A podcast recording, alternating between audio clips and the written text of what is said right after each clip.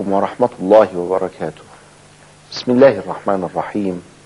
الحمد لله والصلاة والسلام على سيدنا رسول الله وآله وصحبه ومن والاه. اليوم مع حلقة جديدة من حلقات قواعد الفقه الإسلامي. ومع قاعدة لو تذكرتم قولنا التابع تابع.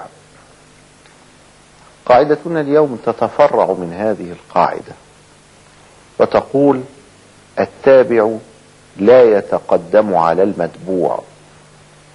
إذا فالتابع تابع في مكانه فلا يتقدم. من فروع هذه القاعدة التي توضح المراد منها موقف ومكان المأموم من الإمام. فالمأموم يكون تابعا للإمام فلا يجوز له أن يتقدم عليه. ومن هنا فإنه يجوز له أن يساويه في موقفه. يقف الإمام ويقف المأموم بجواره تماما أو أن يتأخر عنه والتأخر أولى. بيان الجواز جاء من السنة. لأن ما ورد في السنة من موقف ابن عباس مع سيدنا رسول الله صلى الله عليه وسلم أن النبي صلى الله عليه وسلم وقف وابن عباس بجواره قدمه في قدم النبي صلى الله عليه وسلم. لا يجوز أن يتقدم المأمون الإمام. إما أن يساويه وهذا ما علمناه رسول الله صلى الله عليه وسلم وإما أن يتأخر عنه.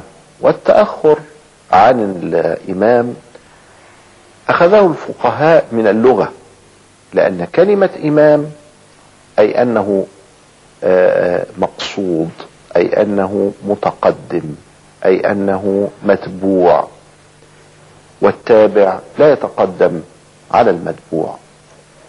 والمقصود إنما يأتيه الناس ويسعون إليه. فلا يتقدمون عليه. فإذا وصلوه وقفوا. فأخذوا هذا التأخر تأخر مكان المأموم عن الإمام من اللغة. وأخذوا المساواة من الحديث. إذا فلا يجوز ونحن نصلي الجمعة أن نرى بعض الناس يقفون أمام الإمام. لأن إنما الإمام ليؤتم به نكون خلفه. فالتابع لا يجوز أن يتقدم على المتبوع. من فروع هذه القاعدة أيضا أن الإمام لا يتقدم على المأموم ليس فقط في المكان بل أيضا في كل الأفعال. فلا يركع قبله ولا يقم ويرفع رأسه قبله ولا يسجد قبله وهكذا. بل لابد عليه أن يتأخر. إن سبقه حرم عليه هذا. وإن ساواه كره له هذا. والصحيح أنه ينبغي على المصلي أن يتأخر في أفعاله عن الإمام. من فروع هذه القاعدة أيضا أنه لو جئنا نصلي جماعة وكان المسجد كبير مثلا وأنا لا أرى الإمام إنما أرى شخصا آخر يرى الإمام. يشترط حتى تصح الجماعة أن أكون عالما بحركات الإمام إما أنني أسمع صوته وهو يقرأ وهو يكبر وهو ينتقل من ركن إلى ركن في الصلاة فلا بد علي أن أدرك وأن أسمع الامام أو أن أراه إذا لم أكن أسمعه. لكن لا يجوز أن يكون هناك فاصل بيني وبين الإمام بحيث أنني لا أسمعه ولا أراه. تأتي هذه الصورة. أنا لا أسمعه ولا أراه ولكن أرى من يراه ومن يسمعه. ولذلك أصبحت أتحرك في صلاتي بناء على رؤيتي لهذا الشخص الذي يرى الإمام. هو ليس إمامي هو تابع للإمام. ولكن أصبح بالنسبة لي متبوع وأصبحت أنا تابع. ولذلك فلا بد علي أن أنتظر حركات هذا الشخص الذي أراه ثم بعد ذلك أفعل مثله. ف لأنه لولا هذا الإنسان لم تصح قدوتي بالإمام الذي لم أرى ولم أسمعه. يضربون أيضا مثلا لهذه القاعدة في فرع من الفروع عند الشافعية يشترطون في الجمعة أربعين شخصا. فلو أننا في المسجد لم نصل إلى الأربعين فلا جمعة علينا.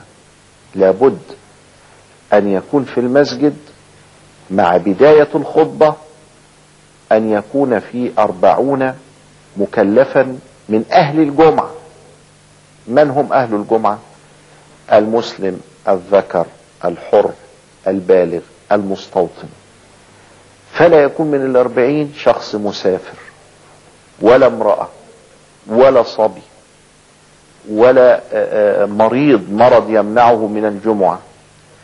فإذا كان هناك أربعين بهذه الصفة أو أكثر مئة مئتين ثلاثة أقلها أربعين. إذا لم يكن هناك أربعون شخصا فلا صلاة للجمعة عند الشافعية والعدد هذا فيه خلاف بين الفقهاء بين الحنابلة والمالكية والظاهرية الظاهرية قالوا يكفي اثنين ونقيم بهم الجمعة وبعض المذاهب 12 وبعض المذاهب وهكذا. محل خلاف. لكن نفرض أنه قد توفر الأربعون من أهل الجمعة. وسيقيمون هكذا الصلاة ولكن في حضور آخرون. صبيان ونساء. قال التابع لا يتقدم على المتبوع. لابد الأربعين دول. أن يدخلوا في الصلاة ثم يدخل بعدها النساء. فعلى النساء إذا ما حضرنا الجمعة أن يؤخرن تكبيرة الإحرام حتى يكبر هؤلاء الأربعون لأنه لا تصح الجمعة إلا بهؤلاء فأصبحوا متبوعين. وأصبحت النساء والصبيان تابع والتابع لا يتقدم على المتبوع.